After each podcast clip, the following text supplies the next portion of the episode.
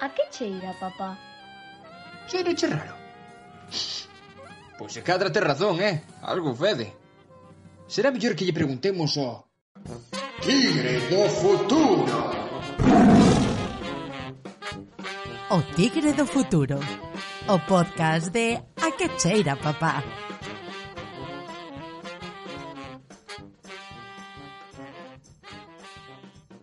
Benvidas un día máis ao Tigre do Futuro, o podcast que facemos dende o Magazine Cultural A que cheira papá.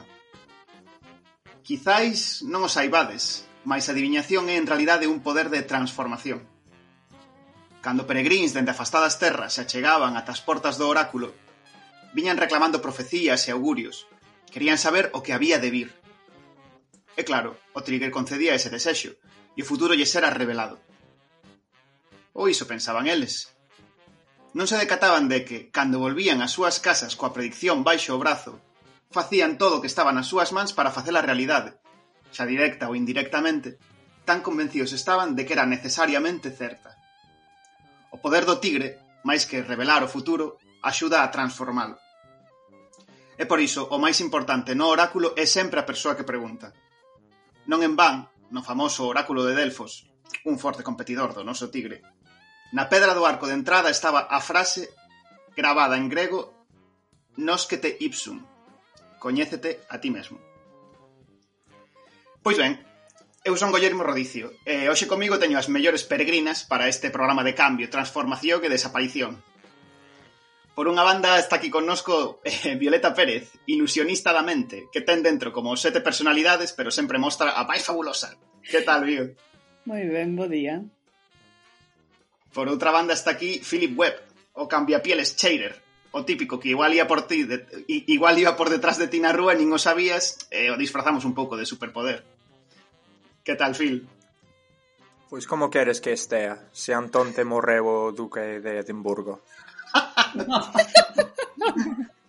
Sempre faz referencias temporais super cercanas e despois o programa se, se publica dentro dun mes, unha cosa.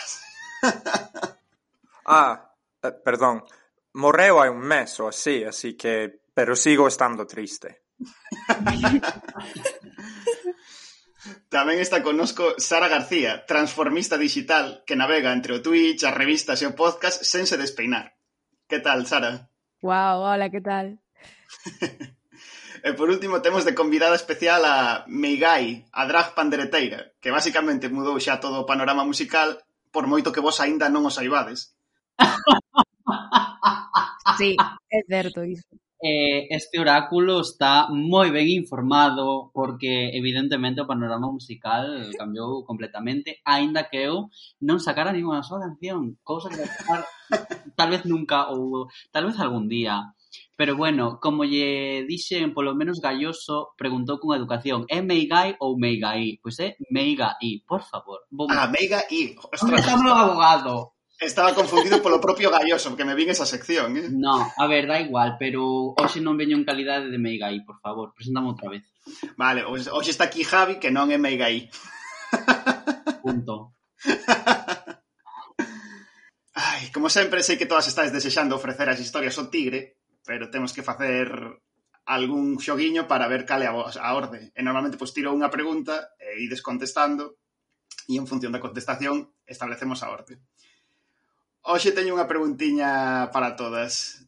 Cal foi a última vez que deixáchedes propina ou a vez que máis propina deixáchedes? A ver, eu deixei propina hai unha semana en na Coruña. Cuidao. Caramba. onde máis onde máis perigoso deixar propina. Duras declaracións. Ti, Phil?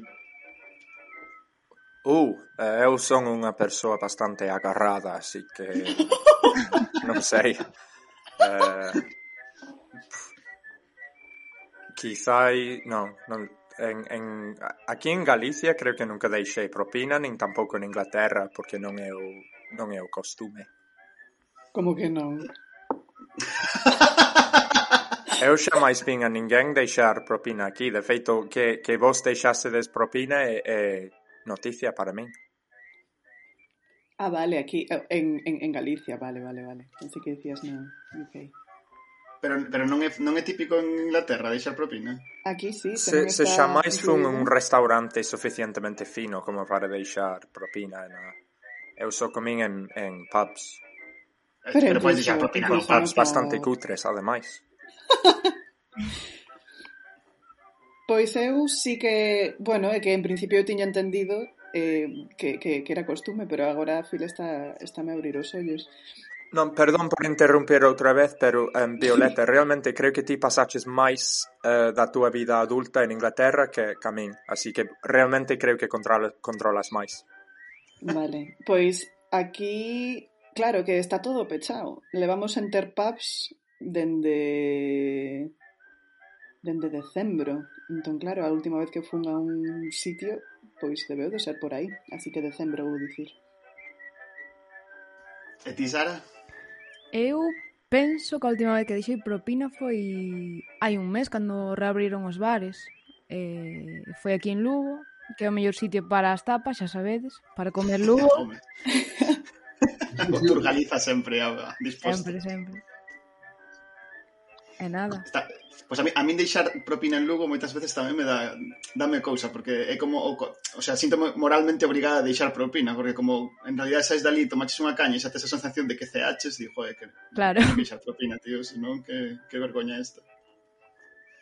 Pois eu vou dicir, a vez que máis propina deixei foi unha vez que, porque en realidad pagamos dúas veces, desto que saes dun sitio e pagas, deixas a, a, así para o pago na, na barra, e cando vas fora e te reúnes con un colega que saíra antes, dixe que xa pagou, eh, xa estabas moi lonxe do local e dixe, bueno, pois pues, nada, pagamos todas as veces. Así que ese día dixe mogollón de propina. Guau. ai, ai. Fatal, fatal. Fatal, fatal. Destruindo a economía toda. Dos impas non falamos, non? Polo tema dos O sin é o lado contrario da deixar propina. Non sei. É a inversa. É a inversa. Exacto. Sí. Propina negativa. Propina negativa. Porque eu creo que a propina é positiva, é dicir, eu creo que cando ti, polo menos cando eu deixo propina é porque porque me caeu ben o sitio ou a Mm. persoa que me atendeu, unha cousa así, é como unha recompensa de caíchesme ben, alegraches a tarde, ademais de facerme un servicio tal, eh, pues, pues eso, unha recompensa de és unha persoa moi maja e o teu local é moi chulo, toma. Dios, estou sentíndome fatal. No, pero isto é só cando a persoa é moi maja e o local é moi chulo. Pois pues eso non pasa sempre. Home, algunha vez si, sí, bueno, o de deixar un par de euros, pero porque somos oito e non podemos dividir un euro entre oito, bueno, sí, pero ah. agora sintome mal, que pensei que era algo, o, o de deixar unha propina, um, por así dicelo, a propósito, eh, non porque non poidas dividir o cambio, pois non sabía que era algo que se facía aquí, agora sintome moi mal, porque nunca o fixen. Ostra, o choque cultural co das propinas eu sentí en Estados Unidos, porque ali é como moralmente obrigatorio deixar propina, porque hai moitísima xente que o seu salario Vive basicamente propinas, son as propinas claro. que ti deixas. Sí. Entón, se non deixas propinas é basicamente como se non lle pagases. O sea, unha cousa totalmente turbia de capitalismo así exacerbado. Bueno, aquí pasa algo semellante, ¿eh? porque realmente a, a, a metade do, do salario vendas propinas. En serio, eh, sí, porque tes que engadir como un 10% e despois redondear cara, cara alza, pero é unha cousa que se chama service charge, entón basicamente se che pon que o service charge está incluído, non fai falla que deixes unha propina, porque xa está no, no, no, no, no que ti pagas. Pero senón sí que, sí que en principio deberías.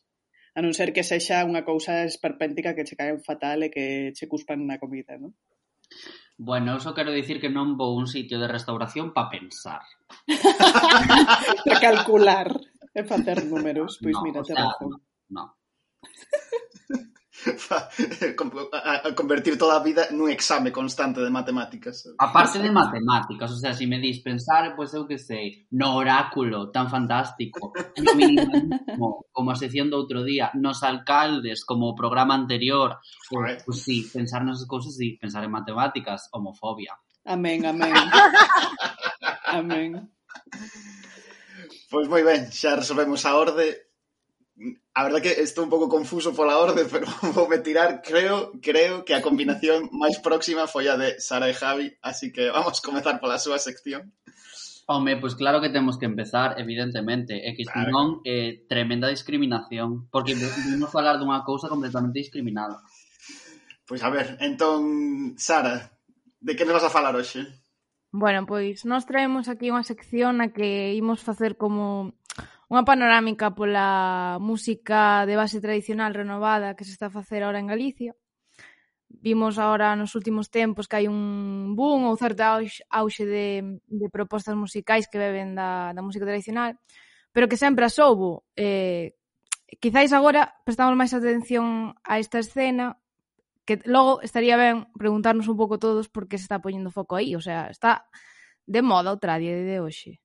Deixámolo despois para para debater. Eh, entón, pois proxectos que, que se chegan, que achegan a música tradicional a outros xéneros, o jazz, o pop, incluso o trap, a case todos os estilos que temos no, no programa musical, non? E, e, e hai un sinfín de propostas que, que van máis alá das caras visibles do fenómeno, non? Como pode ser Canxugueiras, Bayuca, e o noso irmán asturiano Rodrigo Cuevas. E todo isto eh, vende moito antes. Entón, pois, con Javi faremos unha eh, selección destes artistas actuais e os antecedentes.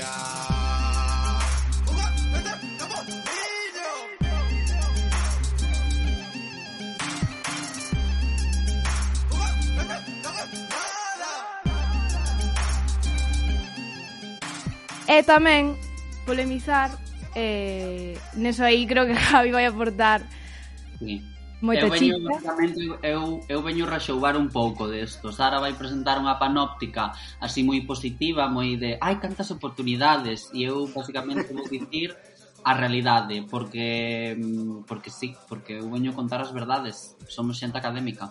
A lógica de polibó, polimalo na música tradicional, eh, estou unha tope. Sí, que falaremos, é música tradicional, non é a Sara. claro, é que podese chamar música tradicional a esta a estas novas propostas. Entón, Non. igual convén poñer primeiro en riba da mesa que entendemos por música tradicional, por folk, por música galega. Uf, música galega, Marta Sánchez. Amistades peligrosas. Fantástico. Moitas gracias, eh, Sara, por convidarme a esta fantástica sección e darlle voz a un colectivo discriminado como é eh, como somos eh, as persoas do, de Vigo que nos dedicamos e que nos gusta o folclore. Estudantes da cultura. E, e efectivamente. Eh, pois sí, evidentemente estamos desquiciadas por unha disquisición de pois, os límites entre o folk e o tradicional. Eh, dunha forma de que ela planteou moi ben unha pregunta de podemos dicir que isto é tradicional? Eu digo que non. Por qué? Porque ao final eh, Pois bueno, non pode ser tradicional algo que se está facendo hoxe en día con autotune e con mm, cousas que non existían hai 100 anos. Por lo tanto, punto número uno, eh, no. Que bebe da fonte tradicional? Pois evidentemente sí, porque senón sería outra cousa. Claro, eh, eu creo que habría que puntualizar que a música tradicional eh, ten un contexto, non? Que non se dá con outros xéneros musicais. Eh, Nace dun contexto e, é dunha, dunha comunidade, é unha creación colectiva que se foi eh, transmitindo de xeración en xeración E agora moita xente que se chega a, a estas fontes, pois moitas veces ignoran quen eran as intérpretes, en que lugares e momentos se tocaba, e isto pois lévanos a, a ese cambio de paradigma, non? Que agora pois non hai Está viva no sentido de que agora hai novos transmisores, non? Que como poden ser estes grupos musicais que eh, recollen esta tradición e despois fontes transmisoras como son as asociacións e as xentes que fixo recollidas e tamén sigue viva nas foliadas eh, cando nos collemos unha pandereta nunha festa nos poñemos aí a botar unhas coplas. Pero sí, o sea, hai que diferenciar eu creo con respecto ao folk. Sí, claro, pero eu sosteño un pouco e creo que ti tamén estamos un pouco de acordo no que mm, que esta, desto do que estamos falando destas músicas reinterpretadas a día de hoxe é máis folk que música tradicional, porque ao final é o folk é eh, os propios elementos eh, dun pobo ou dunha cultura que pois, a través do, neste caso, que se van adaptando a través das diferentes épocas e a través das diferentes uh eh, -huh. xeracións, non? Eh, no sentido de que, pois, pois, pois a tradición en sí eh, é selectiva eh, mm, hai unha crítica no mundo do folk, bueno, hai unha crítica das que somos unhas pesadas eh, Desquiciadas. Eh, desquiciadas de que ao final moitos grupos eh, que lle chaman tradicionais eh, son de alguna forma un, un, un invento, non? Fan eh, o que se chama unha tradición selectiva, é dicir, sí, pa, sí, sí. que é tradición para os grupos folk? Pois pues, a saber, a saber, porque cada un fai o que lle dá a gana. Desto creo que testizaron a unha palabra moi bonita, non? A fantasía da aceptación, pero iso, iso é da, da autoridade nesta materia que Mercedes Peón. Si sí, podedes ler eh, un artigo super esclarecedor sobre isto en, na revista Luces que sacou fai nada, que se chaman eh, Homes quitando puntos e outras anomalías, non? Que tamén pois reve, reverter ou rebater este mm, este tradicionalismo que se xustifica pois en base a un folclorismo que está sesgado estaba pensando xusto do que estades falando Fala, en realidad van quedar dous podcast onde falamos un pouco xusto deste tema porque tamén no podcast da semana de, bueno, de, do anterior Tigre do Futuro faláramos un pouco desta idea da, da tradición re inventada non? Da, da idea de que en realidade o que moitas veces chamamos música tradicional galega é un punto determinado da historia que por vontades políticas queremos paralizar e considerar como eterno e de alguna maneira como se fose o máis verdadeiro de todos, cando en realidade simplemente era o momento en particular en que estaba a, a música tradicional galega a finais do século XIX mm. e non ten por que ser nin mellor nin peor e se, e se pudésemos avanzar na pesquisa etnográfica 100 anos máis, pois sería diferente, a xente bailaría diferente, cantaría diferente, eh, non sería nin mellor, o sea, nin mellor nin peor, simplemente sería re, un momento diferente desa evolución. Pero que esa, esa perspectiva que distía é correcta, porque todos os povos, eh, todos os, eh, bueno, culturas para eh, de alguna forma legitimar ou, ou dar unha propia visión do que é a súa historia, o que fan é eso, é unha tradición selectiva, seleccionan eh, cousas que din, bueno, pois pues esta é a nosa selección. A, a tradición seleccionase no momento que se fai, é dicir, e no, e no momento que se recupera. Eh, seleccionase eh, esto non o estamos inventando, isto están nos estudios nos estudios sí, culturais, sí. que somos chicas cultas. Eh, no propio momento as, as clases sociais dominantes deciden cal, cal é o cal é a tradición dos, da súa época, non? Coas súas eh, características socioculturais e tal e cual. E despois revisámolo, é dicir, non é e xa entramos nas, na, nunha parte de antecedentes, non é casual que despois do franquismo, nos anos, nos anos 80, eh, houbera un, unha mudanza total das cancións e, por exemplo, so, se ve na roupa, non? Como antes do franquismo e despois do franquismo, a roupa mm, da, do que chamamos o baile tradicional cambia completamente. Mm. E moita xente hoxendía entende vestirse tradicional por vestirse pola coa indumentaria coa que a sección femenina de Franco dixo que era o folclore galego. Entón, claro, os anos 50 de Franco son tradición, pois se faz unha foto fixa nos anos 50, sí. Claro. É dicir, a tradición é inventada, é seleccionada. Eu o que, o, eu o que atopo ás veces é unha inconsistencia. É unha inconsistencia entre eh, que, eh, que é un collage, que hai grupos, eh, hai, eh, mm, non estamos falando dos contemporáneos, estamos falando da xente que di que fai tradición. Mm. É dicir, Mercedes Peón non fai tradición, non o di. Rodrigo Cubas non fai tradición, non o di. Todo o mundo sabe que é fusión, todo o mundo identifica que é fusión. O que pasa que mm, teño a sensación de que nos grupos folclóricos, os grupos dos, dos, das aldeas, dos barrios de, de diferentes cidades, eh, pois pues van ese collage e nos queren vender eso collage como tradición, cando están mesturando pois unha roupa do ano 40, outra dos 60, outra dos de que, outra dos 90, é dicir, fan unha reconstrucción histórica que non existe. Mm. Entón, eu por que abogo? Por non facela, pasa de todo, fai que te dá gana, eh, pero non mo vendas como tradicional. Sí. Véndemo como folk, si queres, como fai mm. a gran pandereteira. Cuña publicitaria. Eu, eu sí, que, sí que creo que, que estou de acordo co que dicides, eh, nunca mo plantexara, pero creo que é un punto moi válido. E aparte, pensando un pouco en como todas estas eh, bueno, propostas musicais están achegando un tipo de música ao mainstream que pode ser persoas que escoitan trap ou persoas que escoitan outro, outro xénero nunca accederían a ese tipo de música tradicional e pode ser tamén un punto mm. de entrada pero sendo honestos, con que é ese punto de entrada. É dicir, non, pre, non pretender vender eh, que, que iso é eh, a, a música tradicional e que é unha cousa respectando un pouco a, a herdanza. Eh, sí, sí, sí que, ten, sí que ten todo sentido. Como exemplo de algunha forma paralelo, ainda que en pode parecer non directamente relacionado e directamente non está, pero de alguna forma paralelo. Lin un artigo recentemente sobre un conflicto que está tendo lugar eh, no Perú eh, que afecta a certas comunidades indígenas mm. eh, que viven da pesca e queren eh, actualizar as súas técnicas de pesca eh, porque, bueno, hai novas formas, novas tecnoloxías que son mellores, pero resulta que se utilizan estas novas tecnoloxías ou estas novas técnicas, pois xa non poden eh, recibir certas axudas ou, ou subvencións porque o goberno con, considera que xa non estarían levando a cabo unha forma de vida tradicional.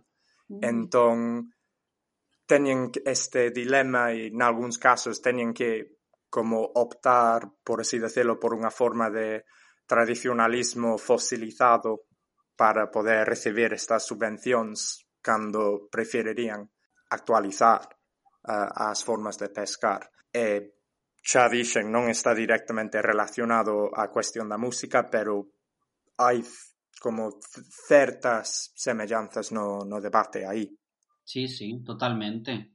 É a cosa de que queren queren é o mesmo caso da pesca e do, e do, da, do baile eh, galego, é dicir, eh, queren facer algo que non existe. Mm. que é unha tradición, porque non existe, porque non é, non estamos no ano 1940, 70, 80, que non, non, non hai punto.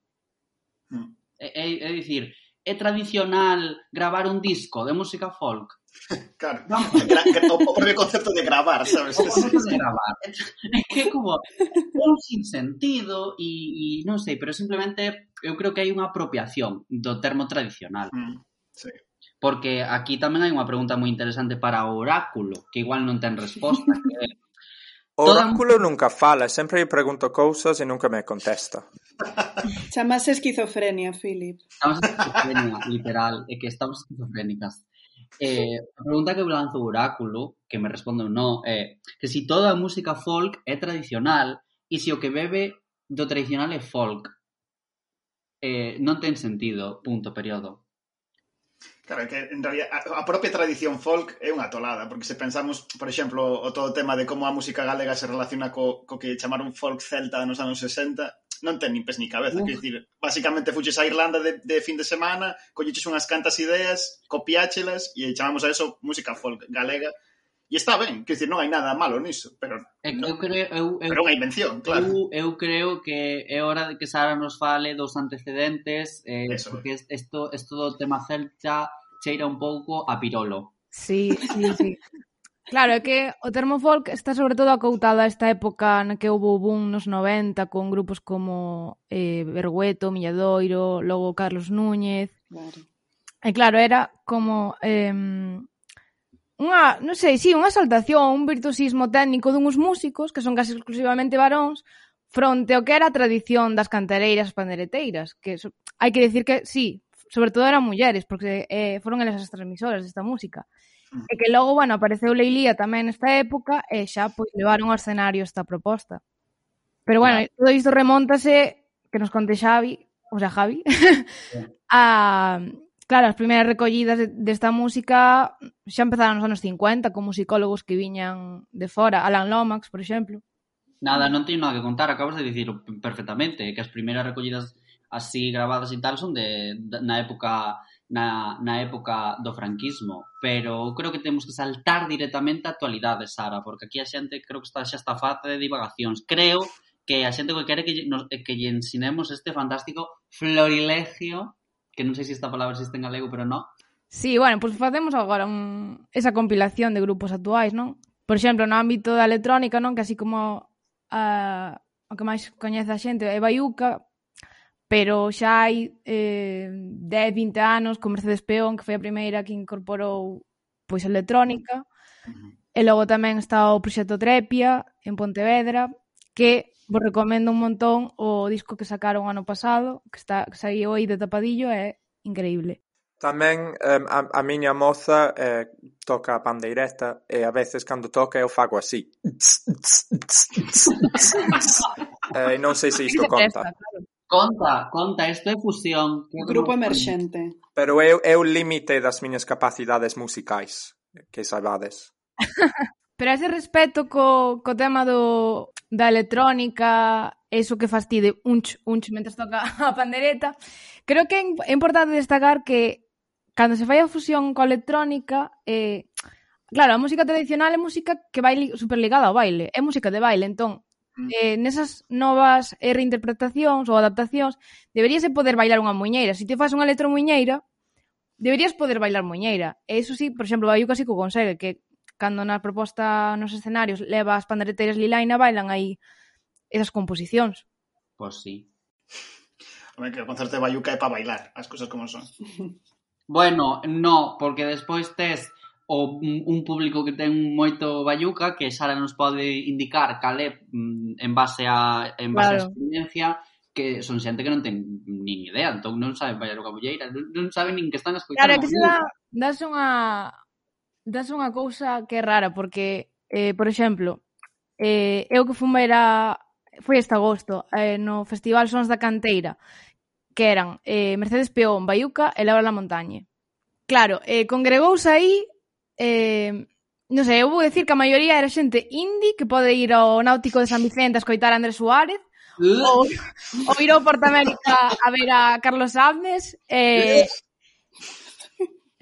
É, eh, é curioso ese poder de convocatoria que, que ofrece ahora, non? Estes novos reinterpreta estas novas artistas que reinterpretan a música tradicional. Porque non son señoras pobres analfabetas, son bayuca e isto pues, é moi moderno porque vive en Madrid. Claro, esa é outra. Que pasaría se si Bayuca cotizase en Galicia? Cotizase?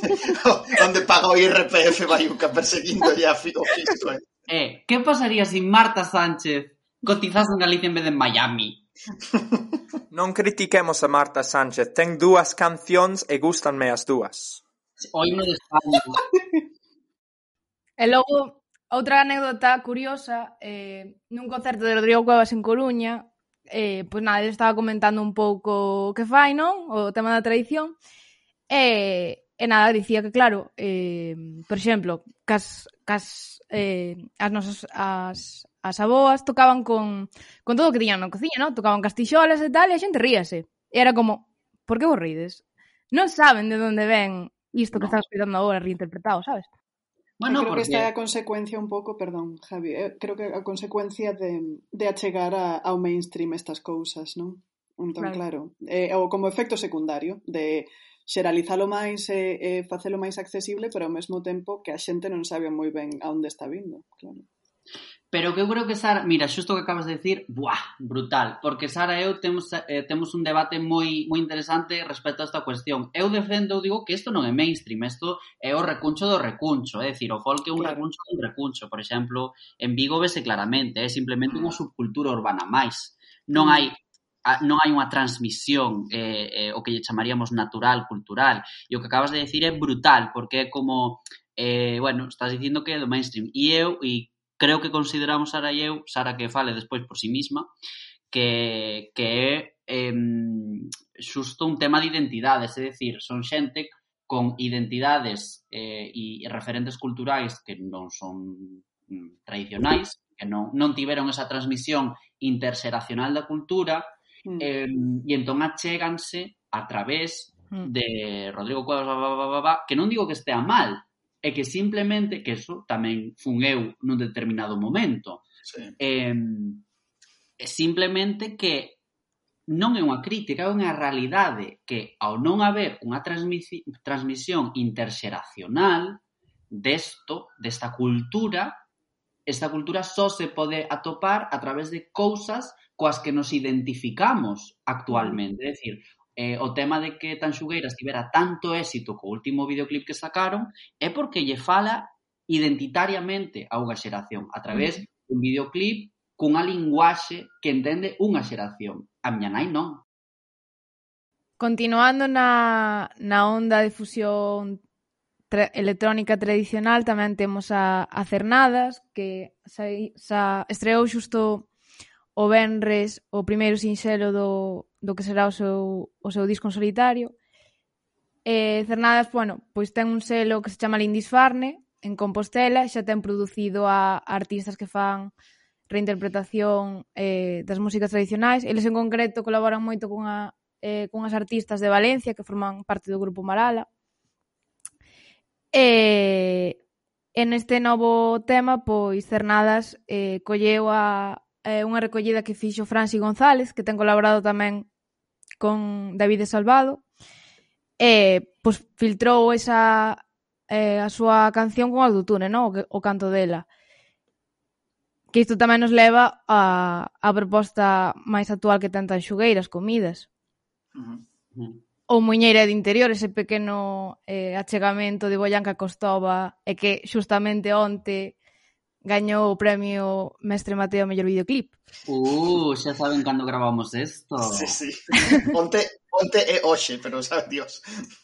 Ai. Bueno, vale, logo temos eh, tamén achegamentos ao pop, como son os de Néboa, eh, e Nebra, dende Lugo, E, e logo por outra banda tamén a fusión do rock que xa, xa se leva facendo dos 90 co, co, co fenómeno Barabú e que agora pois recolle en grupos como Moura eh, máis, máis, máis cercanos ao metal, tamén como Milez, ou mm. propostas como a que fusiona eh, Marcelo Dobode co o funk e o soul, que é como facían Vudú, eh, o grupo Vudú e que agora eh, do que saiu o solitario a carreira de Belén Taxes, Tajes. Uh mm. -huh.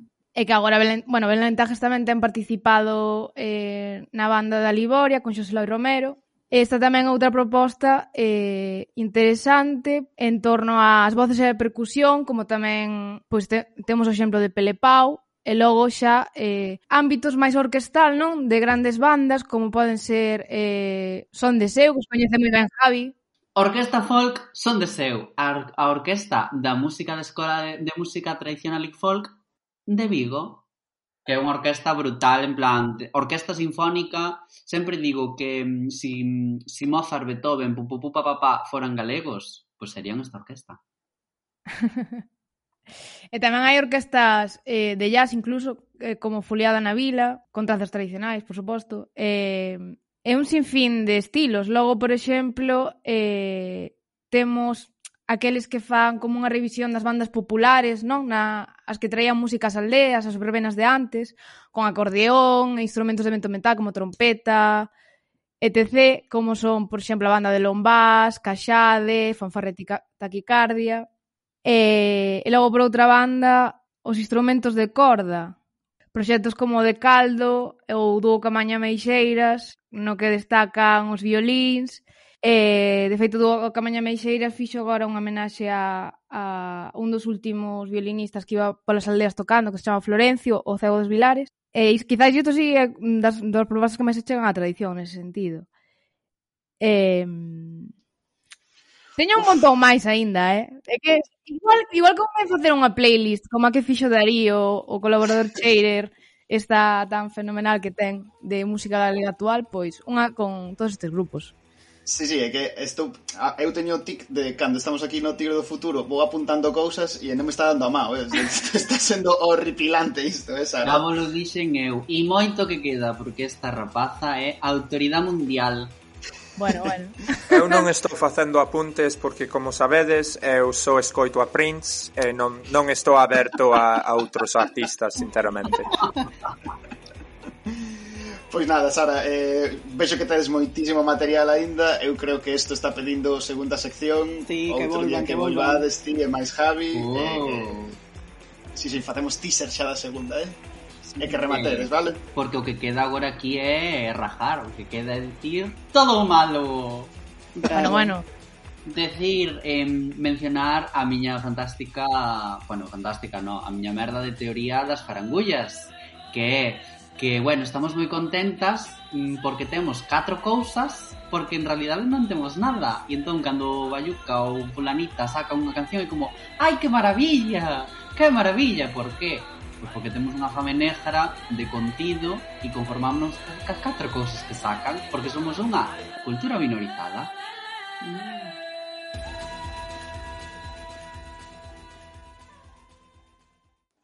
Pois moi ben, vaya, despois deste teaser xa de futuros programas sen ningún pudor, pasamos a, a seguinte sección. Creo que a anterior en deixar propina fora a Violeta, rompendo con todas as tradicións inventadas de Philip, polo visto. Así que, Violeta, de que nos vas a falar hoxe? Pois hoxe vou falar da crise dos 30. Mm,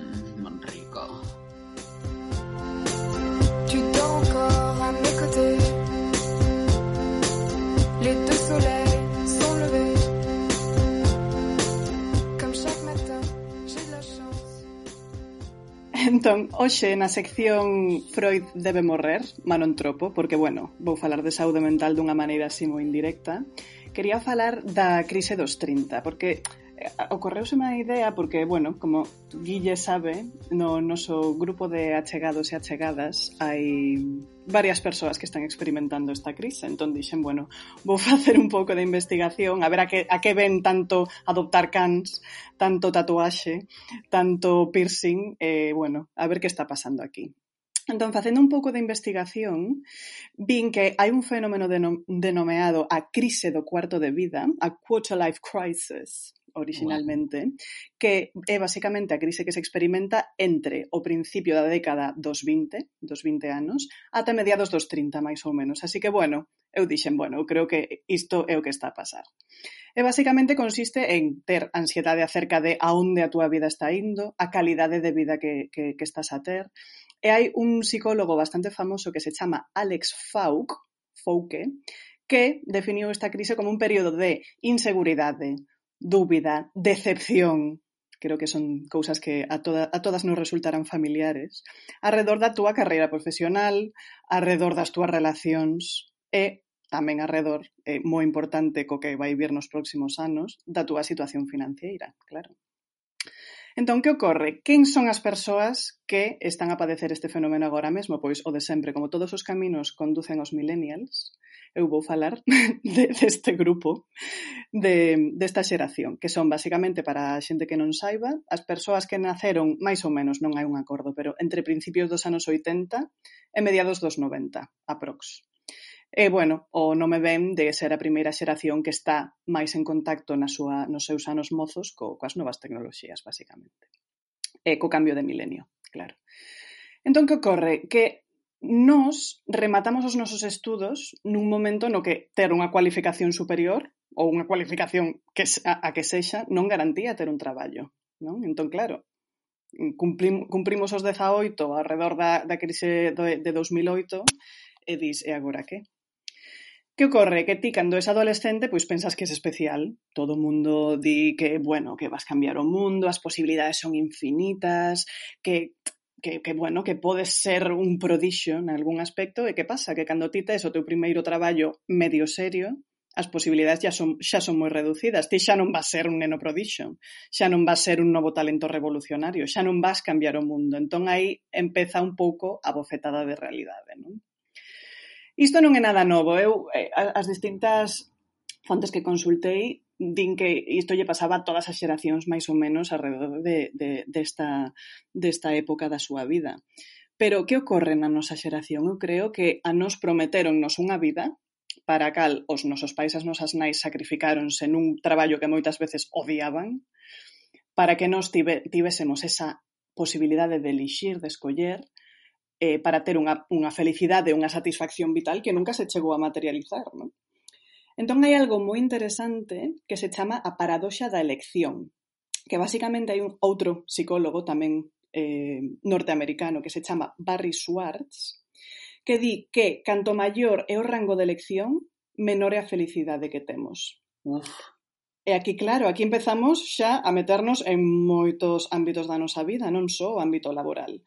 Ti como podes escoller a carreira que queiras, como podes escoller, en principio, o emprego que queiras, que despois xa sabemos que non é real e ven a precariedade, empezamos a pensar en que? En redes sociais, en nas aplicacións de, de ligue e de citas, en esta sensación de, de que a vida das outras persoas é mellor e que sempre hai algo que pode ser mellor que favorece este sentimento de teño tanta elección que non sei por onde empezar. Ese hai algo mellor. Ese hai unha parella mellor. Ese hai eh, un traballo que realmente me satisfaga. Eu estou vendo a todas estas influencers en redes sociais que están a vivir esta fantasía, que evidentemente sabemos que non é real, ¿no? pero esa mm. exposición constante ás mellores opcións do, as mellores opcións do que podería estar a ser a túa vida deixa a xente cunha constante sensación de insatisfacción non? e entón eu preguntábame cando, cando pensaba acerca disto eh, esta semana. eh, non será esta maneira a, a maneira na que operan as aplicacións estas o Tinder, as aplicacións o, o Grindr, todas estas aplicacións de, de, de citas e de ligue que como saben que ti realmente sempre vas ter esta sensación de que pode haber algo mellor, nunca saes delas, non?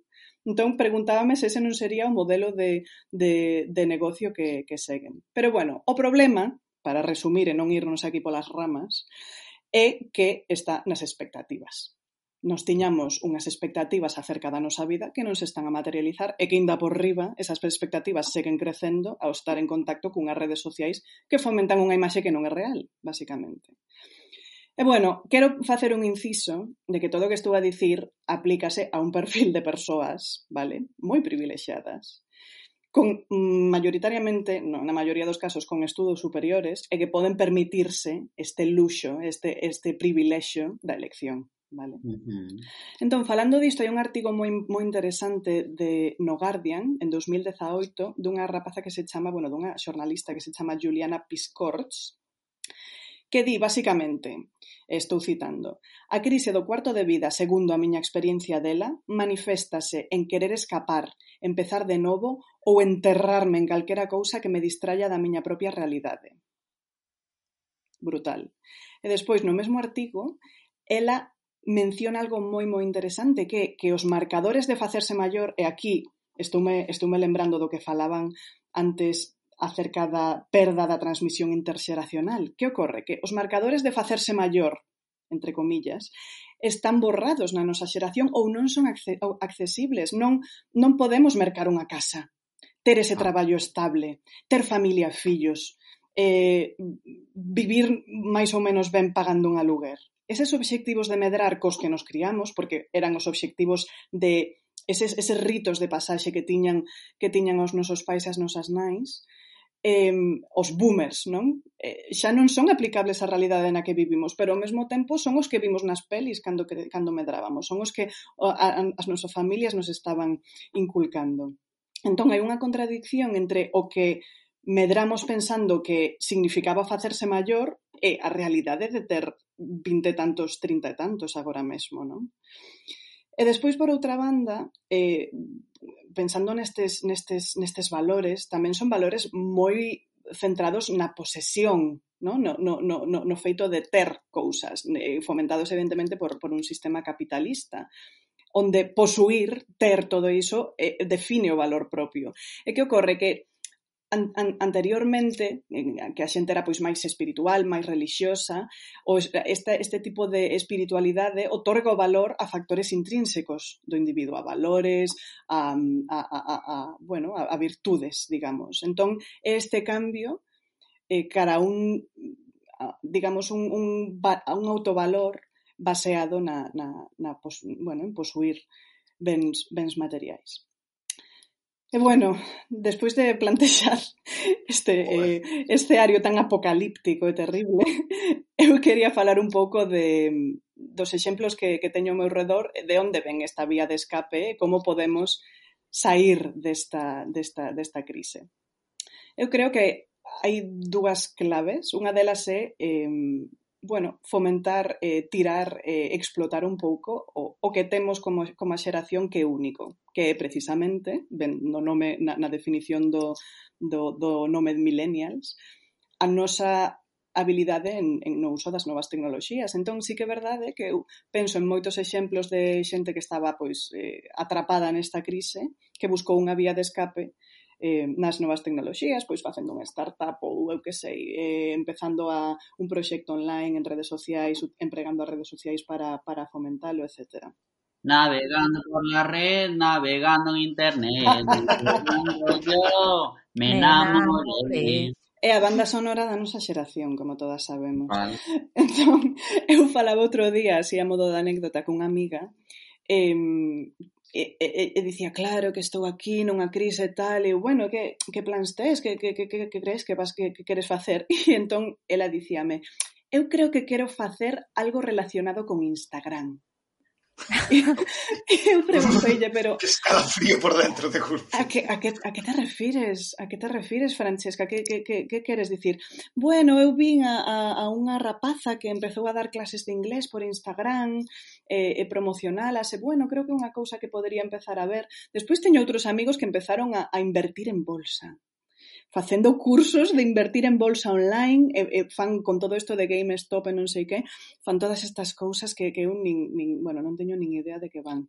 Bueno, esa é unha vía de escape, pero creo que o máis realista é aceptar a vida como é non? Dicir, bueno, esta é a miña vida e imos facer todo o que poidamos pa, para, para que sexa algo que eu acepte como satisfactorio, non? Non estar pensando e comparando eternamente cun ideal que, que non é real con redes sociales. Dicir, bueno, vale, esta é a miña vida, como fago que me satisfaga todo o que podo eh, dentro dentro do que teño, non? E tamén unha cousa moi interesante é que na etapa adulta, en xeral, é moi difícil medrar sen, sen ter unha crise. Entón, pensar mm. que todas as etapas de crecemento persoal, profesional, relacional, ou que ti queiras, na etapa adulta, van vir cun, cun episodio deste, destas características, cunha crise. Entón, pensar que é como o impas que vai permitir que ti medres como persoa. Entón, quería preguntar se todo o que eu expuxen hoxe soa como algo así familiar e, e que exemplos tedes de crise dos 20 e 30? É que é unha, é unha movida, non? Porque eh, te esa sensación, o sea, teño a sensación mentras vas explicando de que en realidade case a mesma o que antes se chamaban a crise de mediana idade que tiña xente pois cando chegaba aos 40, 50, uh -huh. porque sentía como que todos os seus logros eran un pouco vacuos ou non sabía moi ben cara onde estaban chegando e en realidade estaba como máis relacionada coa mortalidade, non? Coa idea de mima, isto non vai a máis, sabes? Ah. Xa non, xa, xa todo, todo ten unha todo ten unha certa finitude e as cousas non teñen un sentido, un sentido intrínseco. E, e, e a movida é que non seguramente teñamos esa mesma crise dentro de 20, 30 anos, sí. porque tamén nos vamos a morrer, quer decir, non vas a superar esa, non vas a ter, non vas a saltarte esa crise, bueno. pero estás tendo outra de inicio, o sea, estás tendo unha sensación de vacuidade iniciática xa.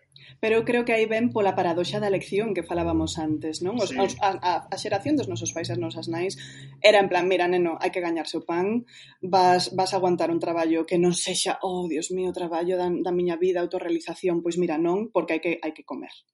E entón, nós temos ese privilexio este, unha vez máis este, este grupo de persoas das que estou falando, vale? Sí, sí, sí. Que é un grupo moi selecto, privilexiado, etc. Ten esa posibilidade de escoller o que sexa Entón, en plan, ai, pero é que non é perfecto este traballo, que non é 100% o que aparece nas pelis, é que esta parella, ai, ás veces cando mastica, mastica moi alto, non? Entón... puto Seinfeld, tío, puto Seinfeld. psicopatía, Dios mío! Eu teño unha pregunta sobre a, a paradoxa da, da elección. Sí. Um, porque entendo que demasiada uh, elección pois que é mala, como o máis habitual é que eu me bote a chorar no Gadis porque hai diferentes marcas de, de pasta dental e non sei cal comprar. Um, pero claro, eh, no, no outro extremo eh, podes coller unha persoa que non ten eleccións un escravo, por exemplo, e, e obviamente non vai ser un, un estado eh, ideal mm. non ter ningunha elección.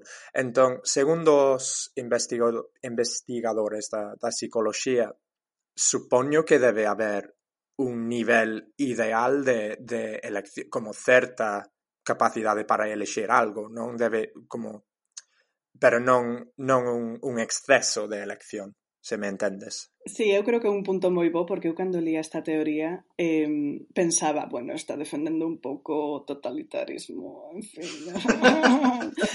Pero claro, eh, que ocorre? Que recibiu moitísimas críticas, como podes imaginar, este, este sí. señoro. Eh, e despois intentaron replicar os, os, bueno, os experimentos que el fixera e tal e cual, e tampouco había moita consistencia. Así que a resposta é que non se sabe que non hai un punto medio eh, ideal que a xente teña teña descubierto. exacto. A ver, é que isto é o que pasa cando ti intentas facer ciencia co ser humano, é que non funciona, sí, porque sí, non somos mm, setas que aparecen en medio da nada, estamos en constante relación coa nosa historia, unha vez máis volvendo á sección anterior, coa nosa herdanza cultural, coas persoas que nos rodean, entón é moi moi difícil um, facer cousas. E esa é a paradoxa da elección que ti mesmo te tes que elexir canta elección queres. Claro, a min, a min plantéxaseme incluso unha paradoxa dentro do paradoxa da elección. O sea, quero dicir, no tema dos estudos, non? Eh, sí. O tema da, da vocación, por exemplo. Esa vocación é realmente túa? Mm. No. Mm? Porque aí, por exemplo, dentro de desde unha perspectiva de xénero, eh, carreiras como enfermería, Total. eh, magisterio, que son maioritariamente elixidas por mulleres, aí obviamente unha elección hasta hasta, hasta cierto punto. Claro, claro, totalmente. Sí, sí, porque tradicionalmente son roles de cuidado que claro. están asociados a, a, a, un papel máis feminino, totalmente, sí, sí. Uh -huh. Mira, eu si podo aportar algo da miña increíble eh, sabiduría de transmisión internacional. Eh, creo que somos pesadísimas. O sea, eh, o sea dun pesado que que de verdad, chica, o sea, ti tes pa comer, tes pa todo, tes un sitio onde vivir, tes Total. agua corrente, podes ver series e todo. Total. Cállate. Sí, sí, sí. Por que te tes que autorrealizar? O sea, é como, vale, eu son a primeira persoa que me teño que autorrealizar porque soy artista, non sei que, todas estas mierdas. Pero é como, relaxa, o sea, é o capítulo do minimalismo, faiche falta todo eso xa fai mm. che falta autorrealizarte, igual non tanto. Sí. O sea, eu creo que estamos demasiado obsesionadas sí. co tema este, que evidentemente é un un tema neoliberal sí, sí. de hazte a ti mismo, facerte a ti mesmo, eh, crear de ti un entrepenur, que todo o que pagas todo o que fagas sexa emprender, todo o que fagas sexa unha cousa histórica, bueno, bueno, bueno, ti vas sí. o baño e a cagada ten que ser histórica. Trascendental. Home, é fácil dicelo, pero hai unha marca de pasta dentrífica que di que protexe contra as caries e hai outra que di que me blanquea os dentes e non sei cal coller. E de aí aparece o poliamor, colles unha de cada. Non é broma, pero é que creo que o punto que, que, que fixo agora Javi é super interesante porque eu reflexionaba de, de onde ven esta tontería, non? Esta cousa que de, de dicir complicarnos a vida tal. Eu creo que ven, fíxate, do trauma da xeración anterior. Que pasa? Que eu penso nos meus pais mm. que tiveron que aguantar con traballos que non, que non, lles, que non lles gustaban aí todos os días, levantándose aí ás 5 da mañá, non sei que, para levar o pan a casa e non queren baixo ningún concepto que lle pase iso aos seus fillos. Entón venderonnos esta posibilidade de non ten que ser algo trascendental, ten que, que completarte e tal, e eso, iso empezou a correr a principios dos 90 no, no, no, no contexto da sociedade do benestar e creo que é unha transmisión do trauma dos nosos pais, fíxate o, o que che digo. Sí, sí, o sea, é eh É iso que te din sempre, de ti vives mellor que cando vivíamos nós, en parte certo, pero eu creo que o problema non está no nivel de vida, senón as expectativas e decisiones que temos. Exacto. Claro, somos sí. unha xeración que, que medrou as expectativas xa truncadas, non? Uh -huh. Por exemplo, eh, os que os que nacimos entre o 95 e o 2000, non? Hmm. Que xa vimos como se derrumbaban esas expectativas coa crise de 2008. Sí. E agora é como encadenamento de traballos e contratos precarios que non nos levan a nada. Claro. Eh, Chica, porque, a ver, é que isto, isto, isto é, é esta ilusión, esta ilusión de que todo é posible, tal e cual, tal e cual. Esta é a, isto é a, a verdadeira vitoria cultural do, do sistema económico. Facernos creer que é unha cultura todo mm. isto, cando que ti, vai, vai a, a historia. A xente o que facía era sobrevivir, period. Mm. Estamos obsesionadísimas eh, con, con, con ser especiais. Sí, como mellorar, con ascender, todo, todo Ai, sí. de verdad, chica, si es ordinario, pois pues xa está, non pasa nada. um, alguén ten que ser ordinario para que a xente extraordinaria. Ai, verdad, sí. eu sempre penso. Para enlazar, para facer tamén recomendación cultural dentro da sección, estabades falando e hai pouco li unha novela de Eva Moreda, non sei se a coñecedes, unha escritora galega que se chama Para toda a vida, uh -huh. Mm. onde e fala un pouco fala un pouco disto, non? E eu, en, le enlazo tamén co tema da emigración, é un, a novela conta a historia dunha muller que viviu moitos anos en Inglaterra, desenvolveu ali un pouco a súa carreira profesional e volve a, a Galicia onde emigrou durante a época universitaria, máis ou menos. E, e o propio título para toda a vida eh, enlaza co tema fundamental da novela que é esa idea que ten ela do choque entre as súas expectativas eh, de xuventude que se truncan ante a realidade material de que sinte que toda a súa vida en, en Inglaterra en realidade era temporal, sempre foi temporal, mentres que a, o que atopa cando volve a casa son os conceptos aos que xa non pode acceder que son os que tiñan os seus pais de cousas para toda a vida. O traballo para toda a vida, a parella para toda a vida, que de alguma maneira xa non desexa, non quere ter, non quere vivir desa maneira, pero entende que lle serviría de algo, sabes? Mm. Interesante. Eu entendo, eu sinto que isto encaixa moi ben co, co, co capítulo no que, no que se fala, falas ti, de feito, do minimalismo, non? Mm. É dicir, hai que un momento de facer tamén esta análise de, bueno, estas expectativas sírveme para algo, bueno, isto tal para toda a vida sirve para algo. eh, non sei, que eu son así. E é eh, creo que unha perda de tempo absoluta mm. o tema de estar a ver que máis, a ver que máis, a ver que máis. E é unha sí. ansiedade, o sí, sea, sí. Eh, ansiolíticas, mm. pero polo tema da elección todo o rato, todo o rato, elegir, decir, match, ahora match, ahora match co outro, ahora sí. que, ahora vou ver un tweet, ahora vou non sei que, a, pu, pu, pu, todo día, todo día, todo día, pa, pa, pa, pa, pa, pa. E como, relájate, vais a echar unhas patacas, Total. tardan seis meses en crecer, sí, sí. Os tempos, tío, os ah, tempos. Mm, analizas e tes que mm, tes que ter todas esas, todos esos impactos, en plan, sí. desconecte. Se sí, ao final o que estás o que estás a dicir é que todas as, as, as eh, digamos, cuestións así máis existenciais, crises, bla, bla, bla, da nosa xeración, teñen un, unha solución que é común, que é basicamente a aceptación mira, acepta a túa vida e, e non ter a gratificación inmediata. Creo que estes son as, as dúas claves, non? De dicir, bueno, pois mira, non ten por que ser unha cousa maravillosa así tal, pero imos traballar a ver a ver onde leva, non? Entón, bueno, Só quería facer unha reflexión acerca do que moitas persoas están a vivir no noso ámbito e de onde veñen todas esas tatuaxes aos 30.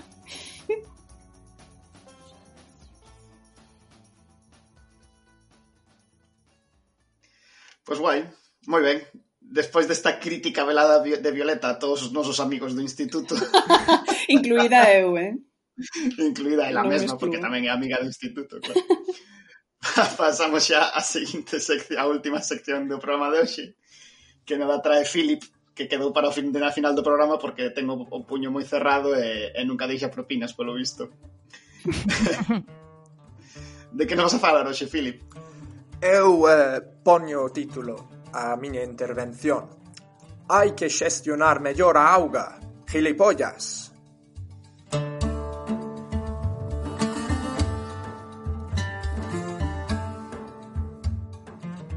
Lembrades que o, o final eh, da miña contribución ao primeiro programa sobre os, os tigres eh, que falei da, da súa posible reintroducción eh, no delta do río Ili que desemboca no lago Balkash en Kazajistán. Claro que lembrades.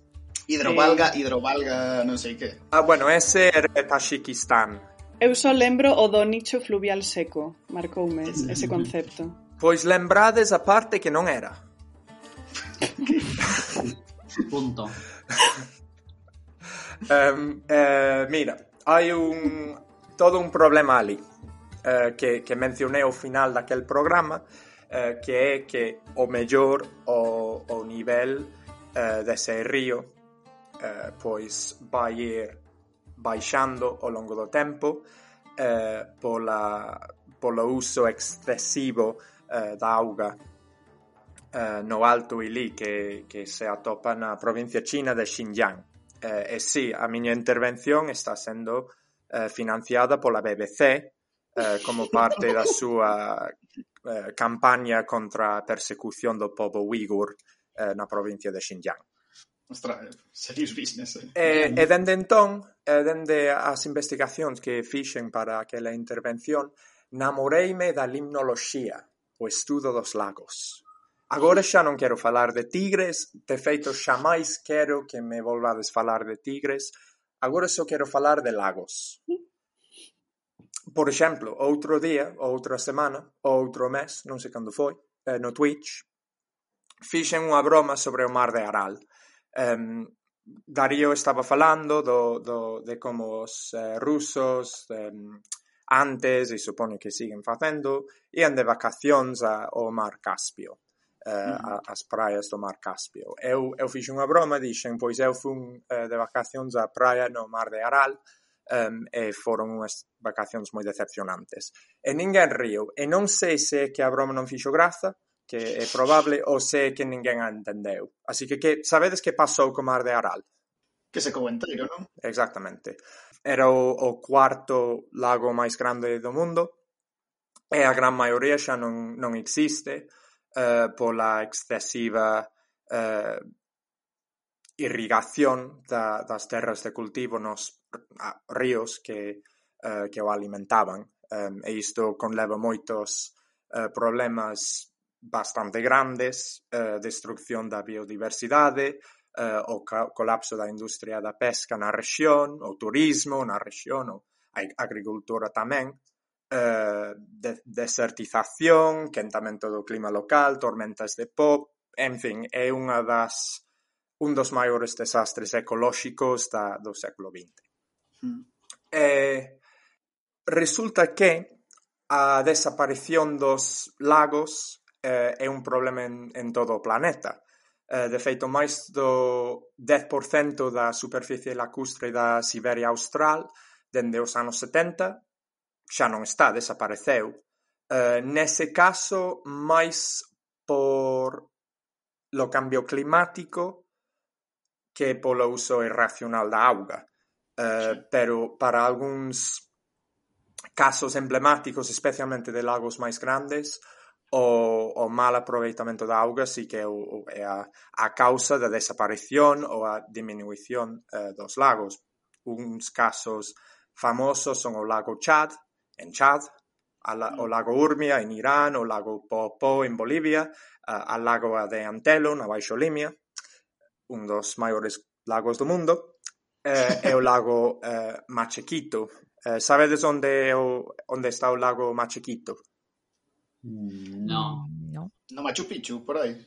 Eh, non, non, é un lago que existe eh, nun mundo fantástico que levo anos poboando de xentes e criaturas máxicas na miña cabeza, pero que tamén ten problemas ehm, um, por uns proxectos um, hidroeléctricas e de irrigación. Está nunha zona así de estepa, así que é bastante sensible a estes cambios. Está fatal, eh? É que ata a fantasía está fatal. Se eu vos contar os meus soños, tamén hai, hai empresas eh, extractivas nos teus soños. Mira, tamén. nos meus soños hai, hai de todo. Nos meus soños hai persecución mediática, travestis, despedidas de programas, eh, feijó, traumáticos, traumáticos soños. Que diría o Freud que debe morrer da sección de, de Violeta? Xa, debe ser bastante maior xa o Freud, se non morreu aínda. Na, despois abriu unha cadea de supermercados e valle bastante ben. Estás cancelado por esta broma. Alguén tiña que meter o chistaco, sinto. E cancelado. Um, bueno, en fin, estes problemas parecen sobre todo unha cuestión dos efectos da tecnoloxía moderna sobre o, o medio ambiente. Grandes proxectos de irrigación e enxeñería fluvial. Entón, para min foi todo unha so, so, foi toda unha sorpresa descubrir que a acción do ser humano provocou a eh, non a desaparición total, pero sí a eh, diminución catastrófica doutro lago comparable ao mar de Aral antes do, do século pas, pasado. De feito, é máis, hai dous mil anos ocorreu isto. E por casualidade, xusto na, na mesma provincia de, de China que falei antes, na, na actual provincia de, de Xinjiang. Fiadísimo. Cara a finais do século XIX descubríronse as ruínas de cidades enteiras eh, no deserto de Taklamakan, que é o, o segundo maior deserto de area do mundo. Um, é unha destas cousas, eu non sabía que existía, pero é unha destas cousas que como que está aí no mapa, é, é, é como cando ves un, unha foto de satélite da Terra, é como un gran ollo amarelo no medio de Asia, hmm. pero mm. se non sabes o que non te, non te fixas nel, pero é um, Realmente é unha cousa increíble, é, é mil kilómetros por 400 kilómetros, todo area. Non hai penedos, non hai montes, nada, area. E aí, pois, nas, nos cal, cal, cauces duns antigos ríos eh, descubríronse estas eh, ruínas de cidades que eh, no seu momento pertencen ao imperio de Tartaria. E a... A máis famosa destas cidades chamase Loulan, e noutra época a súa poboación alcanzaba uns catorce mil individuos. E máis adiante algunhas das momias mellor preservadas que coñecemos saíran desas mesmas eh, ruínas. Eh, de feito, é unha cousa bastante chula. Tecnicamente non son momias, porque non se non se preservaron eh, como as momias exipcias cun cun, con químicas, cun proceso químico, senón que eh, o entorno era tan tan seco eh, que os procesos de, de putrefacción se detiveran e o corpo en lugar de podrecer secou sen máis. Hai dous mil anos, eh, e como se reflicten documentos, fontes da, da época, existía un inmenso lago nesta zona. Eh, na, eh, no extremo oriente do deserto de Taklamakan, Taklamakan eh, existe un lago que, que se chamaba Lop Nur, eh, que realmente, bueno, seguía existindo, non desapareceu de todo até os anos 70, pero xa moitísimo máis pequeno eh, do que fora no seu momento. Os científicos estiman que Lop Nur eh, hai dous mil anos era como mínimo tiña o tamaño do, do lago Balcas, que como mencionei no primeiro programa é o eh, 15º lago máis grande do mundo, pero posiblemente incluso fose tan grande como o lago Michigan, que actualmente é o quinto lago máis grande do mundo. Eh, eh, onde este lago enorme existía, hoxe só hai area máis ou menos eh, hai dous mil anos a dinastía Han eh, conquistou esta zona.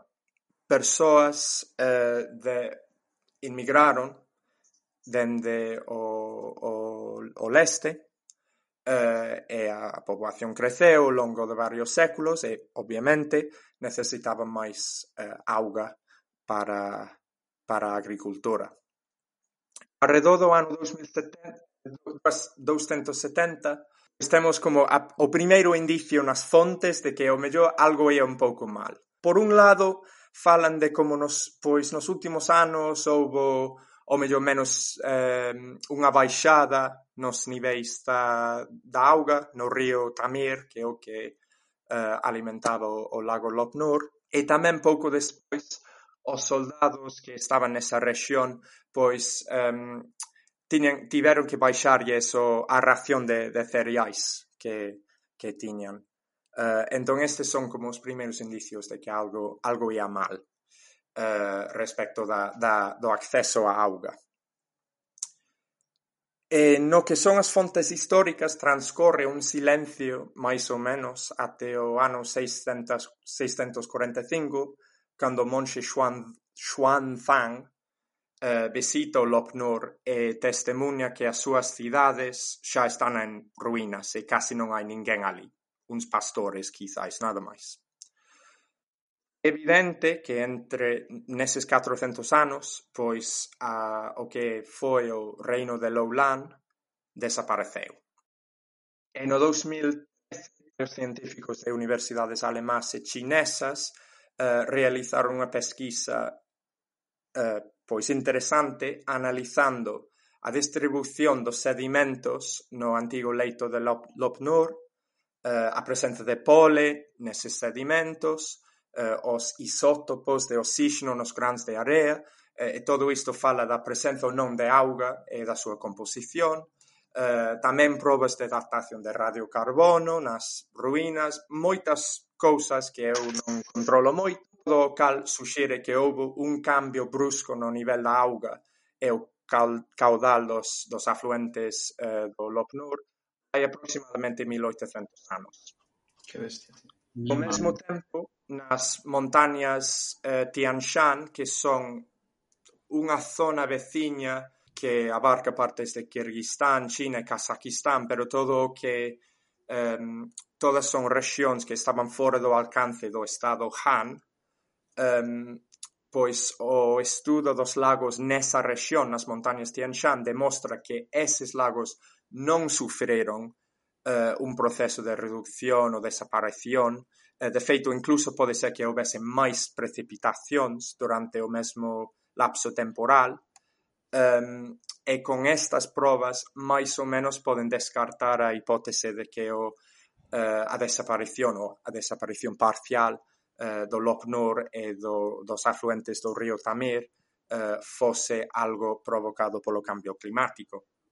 Mm. Entón, a conclusión proposta é que a expansión rápida da, da agricultura eh, no, no estado Han ao longo de tres ou catro séculos non, xa non, non é un proceso tan acelerado como o que pasou col Mar de Aral, pero ao longo de tres ou catro eh, séculos provocou a reducción do caudal, caudal dos ríos e a desaparición dunha gran parte do lago Lop Nur, o cal foi suficiente para destruir o mes, o reino de Loulana, a civilización que existía nesa zona. Uh, non sei se vos parece interesante, pero a min resultoume sorprendente e interesante saber que hai tanto tempo con tecnoloxías que hoxe en día nos par poden parecer moi primitivas, pero que hai tanto tempo os seres humanos xa fosen capaces de, de provocar unha, un desastre ecolóxico de suficiente magnitude para destruir unha, unha civilización. E, bueno, dá un pouco de medo tamén, porque vemos o frágil que pode ser o medio ambiente, especialmente nas zonas máis áridas que, eh, bueno, en Galicia non tanto, pero sí que en gran parte de España eh, sabemos que hai sí. um, un importante risco de desertización e... Non sei, estas cousas fanme pensar, por así decirlo. Joder, non sei se, se o comentamos no primeiro episodio, pero mentre estabas falando, hai un, hai un libro que sempre recomendo a, a que me queres coitar, que se chama Colapso, dun autor norteamericano que se chama Jared Diamond, onde fai como varios estudos de caso de diferentes civilizacións históricas que desapareceron precisamente porque non foron capaces de xestionar de maneira sostible os seus recursos medioambientais. É un que é moi fala de varios que son moi interesantes, pero un creo que é moi famoso é a, a Illa de Pascua, onde están todos os, os moais, que en realidade acabou o sea, sempre para a xente que descubriu esa illa en épocas recentes era como unha cosa moi misteriosa, como unha civilización que foi capaz de erguer monumentos tan interesantes, tan grandes, desaparecera sen prácticamente deixar rastro. E foi en realidade porque para levantar esos monumentos desertificaron en, por enteiro a illa cargáronse todas as árbores sen decatarse de que iso iba a producir unha, unha erosión fuertísima do terreo cultivable e ao final morreron todos de fame. O sea, unha cousa, suicidáronse de maneira super lenta, por decir así, sabes? Eh, e penso que é un libro moi interesante para eh, pensarmos de maneira histórica no asunto do cambio climático, porque é como non é novo que os seres humanos poidamos matarnos matando o medio ambiente. Simplemente agora podemoslo facer a escala planetaria. É moito máis rápido tamén. É, moi, é moito máis rápido, exacto. Pero en entornos máis de, determinados levámoslo facendo dende hai moito tempo, en realidad. E o exemplo do lago que pos, pois, é, incre é increíble porque falas dun lago moi grande, tío. Sí, iso o que me, me sorprendeu, que, claro, tivese un tamaño que se existise, existise, ay, non podo falar. Se existise hoxe en día sería un dos lagos máis grandes do planeta e mm. xa nese momento pois eh, os loulaneses fosen capaces de destruílo case por completo e é algo moi chocante. Ademais do tema de desertización e do cambio climático, eh, a sumar o, lóxicamente a pegada do ser humano eh, como a xestión dos recursos, agora hai un hai un tema con, con temor á a escasez da auga que a noticia esta de que, que se iba a comezar a, a, a cotizar en Wall Street en bolsa, e a privatizar sí. todo isto. Me parece me, desolador o panorama que se nos ven encima. A mí pareceme moi positivo porque nos vai poñer nun modo de supervivencia entón só nos, só nos temos que preocupar por comer e beber que é o que nos temos que preocupar nada, é fantástico a crise de vida este fantástico porque a única expectativa que imos ter é escoller entre morrer de fame ou non. Este é boísimo. Pensade no positivo, por favor. é bonito do tigre. Primeiro Violeta propón un problema e Philip di, a ver, eh, que vamos morrer de sede, vale? Ah, é que, é que está. Esto, a ver, isto hai unha toda unha corrente evidentemente teórica filosófica tal e cual que é o decrecionismo, non sei se se vos sona. Sí. Hmm. Que hai que, hai que, hai que baixarlle, eh? baixarlle un pouco velocidade, baixarlle dúas e a vida será, bueno, para salvar o planeta decrece, porque senón non vivimos E, e bueno, hai un, hai un escenario moi interesante con isto do cambio climático, porque hai xente que, que bueno, que ainda cree que estamos a tempo e todo isto, pareceme moi ben. Despois está o señor este tan fantástico dun par, deste partido tan con logo verde pero que non é verde, que ni lo voy a mencionar. Eh, bueno, que di que a él venlle moi ben a temperatura porque así vai morrer menos xente de frío. Ai, por favor, sí, esa declaración desta semana foi... Unha maravilla. Madre mía. E... E bueno, pues, pues moi ben, pero que eu creo que, bueno, a destrucción que destruamos o planeta creo que creo que é unha moi boa noticia. Eu, sí, eu creo que unha cura de humildade. Eu creo que é fantástico. En plan, toma. Pueblos del mundo, extinguíos. estaba, estaba pensando, mira, dicía ahora Sara, pueblos, de, pueblos del mundo extinguíos, e xusto pola vía da auga, en realidade tamén, no caso español, le vamos facendo eso uns aniños, porque o caso contrario da desaparición dos lagos sería a creación dos lagos pola vía dos encoros e a min to tocaba un pouquiño aí no, no corazao porque cerca da miña aldea en, en León estaba Riaño que foi destruído oh. pola creación dun encoro e, e aí temos o caso contrario o sea, a creación de a creación de lugares eh, de lago artificialmente supuxo a destrucción de, de aldeas e de cultura que existía ali modificando as, as, os modos de vida O sea que non sempre no, non facemos a destrucción sempre des, cargándonos cousas, senón tamén ás veces eh, simplemente inventando cousas novas. Pois claro. Vale, pois um, eu creo que Javi ten razón eh, que ao final é unha cousa boa que desaparecese o Lopnor porque os de Loulan eran uns pringados que non sabían xestionar ben a auga e a verdade é que o que es pasou é algo totalmente merecido. Ya está. Punto.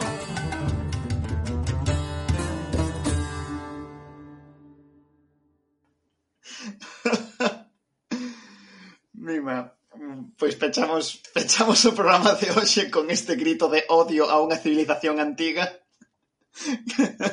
que é unha cousa moito tigre do futuro, polo visto.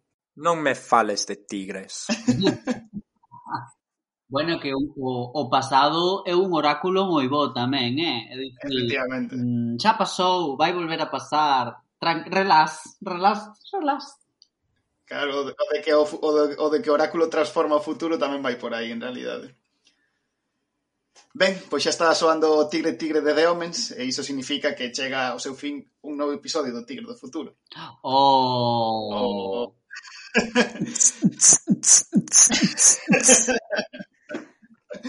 Saímos hoxe do oráculo, quizáis un pouco cegadas pola luz que hai fora, que o precio a pagar polas metamorfoses, sempre. Quero dar grazas ás nosas convidadas de hoxe, especialmente a Sara e a Javi, que se estreaban hoxe.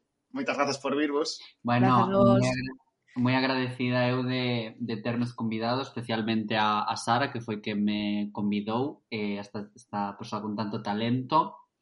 Eh, fíxome moitísima ilusión eh, voltar ao mundo do podcast porque eu tive un podcast, teño un, bueno, teño un podcast pero por razóns alleas á miña persoa e vicisitudes, eh, a vicisitud foi que meu, o meu partener marchou de Erasmus, Ai. pois este proxecto está, está parado, pero volverá, igual que a web de Noemí Argüelles en Paquita Salas, por vicisitudes do mismo, Volverá. Pero dio nome do, dio nome do podcast, Javi, falla aí un pouco ah, a promoción. Bueno, eh, veña, Sara, facémolo ti e máis igual vez. Ti sabes como se di o nome do podcast, non?